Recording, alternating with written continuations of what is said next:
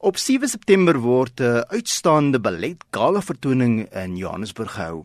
Dirk Badenhorst is nou hier om meer te vertel. Dirk, voordat ons nou by die bepaalde items en die dansers kom, wat is die uitdagings om so 'n gala program saam te stel?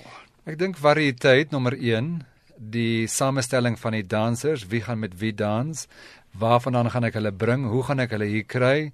En dan begin die die nitty-gritty van visas en paspoorte en vlugte en akkommodasie. Al daai tipe van goed en ek dink dit is partykeer vergeete mens as jy gehoor as jy in die teater sit en jy geniet net die opvoering wat het in die proses ingegaan.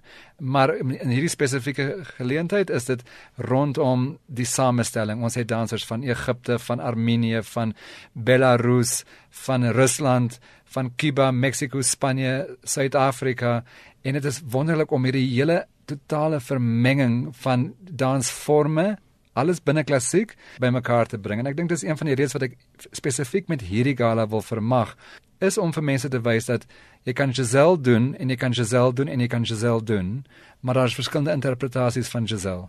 En in een aand gaan ons nie net ons gaan nie Giselle drie keer doen nie maar ons gaan 'n verskeidenheid style van klassieke ballet binne een aand inbou Ek wou juist 'n bietjie gevra het oor die feit dat baie van hierdie dansers kom uit geselskappe wat baie unieke style beoefen en of dit nie dalk ook vir julle 'n bietjie van 'n uitdaging is om dansers uit verskillende of met verskillende agtergronde nou eweskielik saam te moet smelt nie, veral ensemblewerk. Ja, gelukkig is daar nie baie wat ons wat ons die dansers laat saam dans nie, maar daar is byvoorbeeld Dennis Klimuk wat van Belarus afkom wat saam met Suid-Afrika se Angela Malan gaan dans. So hulle moet hy het vroeër gearriveer sodat hulle kon repeteer en dat hulle mekaar gewoon kan raak.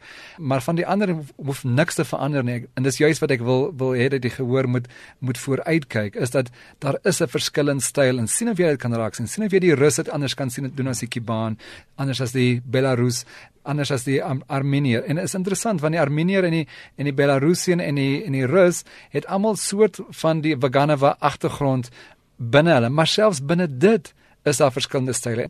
Jy het nou al verwys na Giselle as een van die items of dan waarskynlik 'n gedeelte daarvan wat ons te sien gaan kry. Wat van die ander hoogtepunte? Ons doen twee stukke uit Le Corsair en ons een stuk van Le Corsair open ons die vertoning mee.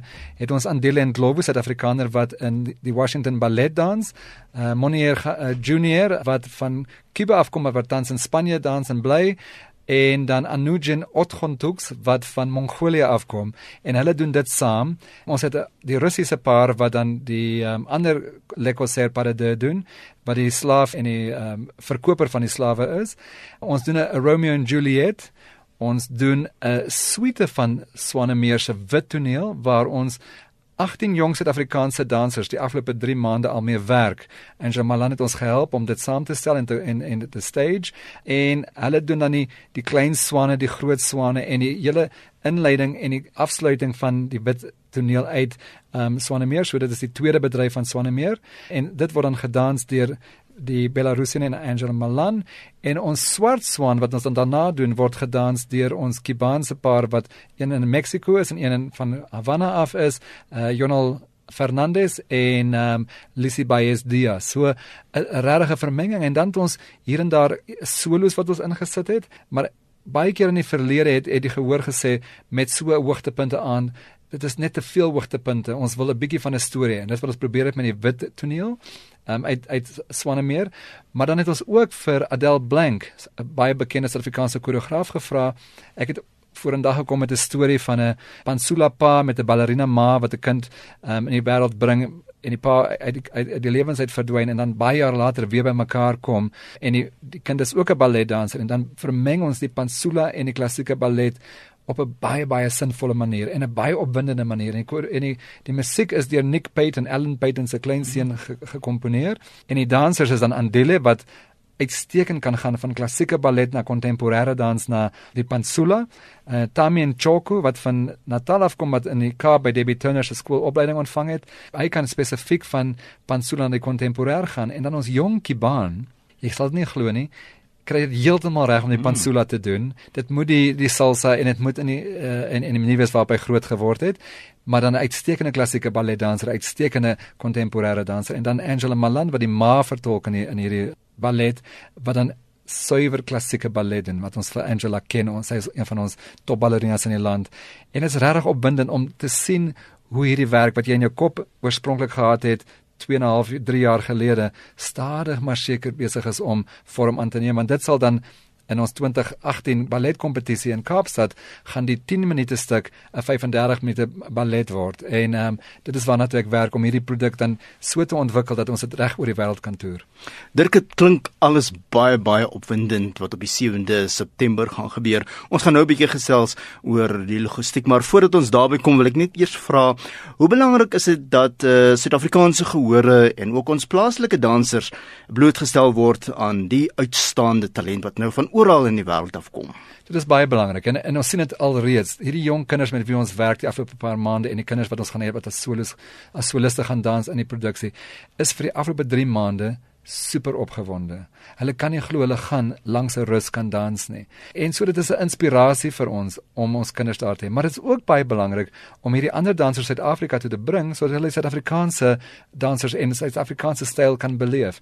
En dan vir ons Suid-Afrikaanse gehore is dit wonderlik. Die terugvoer wat ek kry altyd met my galas is dat dit wonderlik is om nie in die vliegtuig te hoef te klim en Rusland toe hoef te vlieg nie of Kiba toe hoef te vlieg nie, maar dat ons hier in die Suid-Afrikaanse teater hierdie uitstekende dansers kan sien. En ek dink dit is vir my belangrik dat ons 'n bietjie van die wêreld Suid-Afrika toe kan bring en dan van Suid-Afrika af 'n bietjie van Suid-Afrika kan terugstuur na die wêreld toe. En dit is een van die redes hoekom Suid-Afrikaanse toerisme deel gevorm het van hierdie spesifieke projek. Ek noem dit ballet toerisme.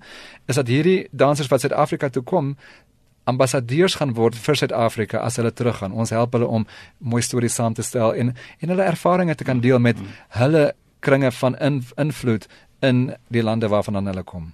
Ek het nou vroeër genoem dit is die vertoning op 7 September. Net bietjie meer inligting oor waar, wanneer en gaan die program nog verder? Is daar ander plekke wat ook besoek word? Voor vanaand het ons um, in die Kaap reeds ons opvoering gehad en vanaand tree ons op in uh, Hartbeespoortdam. So dis reeds twee provinsies en dan die 7de is ons in Johannesburg by die Mosaic Teatro. Die vertoning is 8:00 die aand en die kaartjies is by CompuTicket. En dan klim ons môre oggend in ons motors of die oggend daarna klim ons in ons motors en ons ry na Legend Golf and Safari Lodge wat in Limpopo is, naby Polokwane en dan doen ons 'n opvoering waar ons geld insamel vir ons opleiding van dansonderwysers in die townships en 'n projek wat ek begin het al 3 jaar gelede rondom die be bewusmaking van die behoefte om ons renosters in Suid-Afrika beter op te pas. Nie net binne Suid-Afrika nie, ons moet die die mark buite Suid-Afrika begin oplei dat hulle asseblief nie ons renoster produkte moet koop nie, dat ons ons renosters kan kan beskerm vir die toekoms en vir ons kinders.